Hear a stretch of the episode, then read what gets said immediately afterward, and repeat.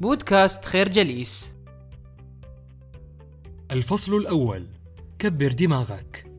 في لقاء تلفزيوني مع أحد المفكرين الكبار سأله المذيع عن سر نجاحه في علاقاته الاجتماعية والأسرية بشكل خاص فكان الجواب أن المرء إذا أراد أن يعيش بعيدا عن كل ما يؤثر على صفو الحياة وهدوئها ما عليه إلا أن يكبر دماغه. ثم صمت. هذا الأمر يبدو للوهلة الأولى أمرا بسيطا ولكن مع التحليل ومحاولة الفهم بشكل أوضح يتبين أن هذه الكلمة كبر دماغك قد اختزلت مشهد الحياة كلها. لماذا؟ لأن هذه الكلمة تلامس كل فرد فينا. كبر دماغك إن أردت أن تعيش حياة هادئة. كبر دماغك إن أردت أن تسير الأمور ولا تتوقف. كبر دماغك إن أردت أن يحترمك الناس ويقدرك من حولك. كبر دماغك بعدم إعطائك القيمة للأشياء التافهة. كبر دماغك بالمرونة الفكرية والتعامل اللين. كبر دماغك بأن تتنازل عن موقفك لصالح مصلحة أكبر. الفكرة من أراد أن يعيش بعيدا عن كل ما يؤثر على صفو الحياة وهدوئها ما عليه إلا أن يكبر دماغه.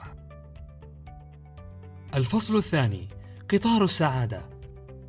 كثير منا يصيبه الملل والسأم من هذه الحياة فتراه متجهما كئيبا ساخطا على كل ما هو جميل.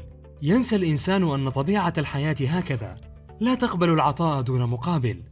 لهذا وأنت تشعر بالملل لا تحاول أن تصدره لمن حولك من أقرباء أو أصدقاء أو معارف ولا ترمي بسموم شكواك عليهم. لقد قال نيتشه يوما ليست الحياة أقصر مئة مرة من أن تصيب نفسك بالملل. لكن ماذا عليك بالمقابل؟ أن تبحث في هذه الحياة عن سعادتك. عليك بالخروج في الجو العاصف ولا تستسلم لتجهم الجو حولك. لا تسجن نفسك داخل جدران البيت. انفض غبار الهم والكسل عنك. عش متحررا من تلك الأثقال. استمتع بما تملك ولا تنظر لما في يد الآخرين. استمتع بحياتك ولا تمت قبل وقتك. الفكرة الاستمتاع بحياتك وعدم الركون إلى أحزانك يوصلك إلى القناعة واختيار شكل سعادتك. الفصل الثالث خمسة قرارات ستندم عليها. على هذه الحياة أشياء كثيرة تعلمنا ترشدنا وتأخذ بيدنا كلما ضللنا الطريق. لكن ونحن نحاول أن نلتمس وجودنا الطبيعي على هذه الأرض تعلمنا الحياة أنه يجب علينا أن نحذر من مجموعة من القرارات والاختيارات التي تكون مآلاتها كارثية على الإنسان. لهذا وجب الحذر منها وهي كالتالي اللهث وراء إرضاء الآخرين. على الإنسان ألا يهدر وقته كله سعيا لإرضاء هذا أو ذاك لأن إرضاء الناس غاية لا تدرك. لهذا لا تنفق المال ولا تعبث بالمبادئ كي ترضيهم. مرافقة السلبيين تخلص من كل شخص يمارس دور الضحية. قل لا لكل شخص يلقي عليك بنفايته الفكرية من تشاؤم ويأس. الاستسلام مبكرا.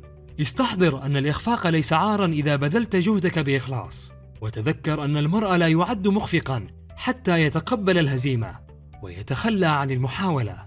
الركض الدائم في الحياة. عليك الاسترخاء وترك الحياة تأخذ مجراها دون قلق منك أو تدخل. الأمل الكاذب. تحمل كامل المسؤولية عنك وعن مستقبلك وكن في موقع التحكم. الفكرة السعادة الحقيقية تتطلب منك أن تتخلص من خمسة قرارات كارثية على حياتك. الفصل الرابع اثنتا عشرة حيلة للضغط فانتبه إليها.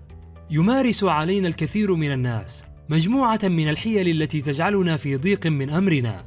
إذا لم ننتبه عن وعي أو دون وعي لهذه المغالطات التي تهدف في الأخير إلى جرنا إلى مستنقعات الهزيمة والفشل والكسل والاستسلام أمام واقعنا. ومن هذه الحيل التي يضغط بها البعض علينا نجد حيلة الشهرة أي أن الشهرة هنا وضعت معيارا لمناسبة وجودة الأشياء. حيلة الكثرة أي أن تصبح الكثرة معيارا للحق. حيلة الذنب كأن يقول لك أحدهم أستغرب أنك تفعل كذا. حيلة الوقت. كان يقول لك أحدهم اليوم هذا آخر فرصة لهذا السعر. حيلة الندرة. فكثيرا ما يحاول الباعة الضغط بكلمة آخر قطعة. حيلة الهدية.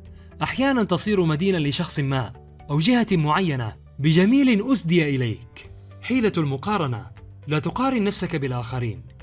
حيلة الحب. كان يأتي زوج لزوجته ويقول لها لو كنت تحبينني لفعلت كذا. حيلة الكبرياء حيث دغدغة الكبرياء وإبرازها في المشهد. حيلة التخويف كان يقول أحدهم لشخص يريد منه أن يتوقف عن فعل لا يعجبه. احتمال أن تخسرني. حيلة اطلب أكثر. حيث المبالغة في الطلب. حيلة الخدمة حيث المبالغة في تقديم خدمات بسيطة وسهلة. الفكرة تجنب الحيل التي تجلب الضغط للحصول على حياة هادئة نشكركم على حسن استماعكم. تابعونا على مواقع التواصل الاجتماعي لخير جليس. كما يسرنا الاستماع لآرائكم واقتراحاتكم. ونسعد باشتراككم في البودكاست.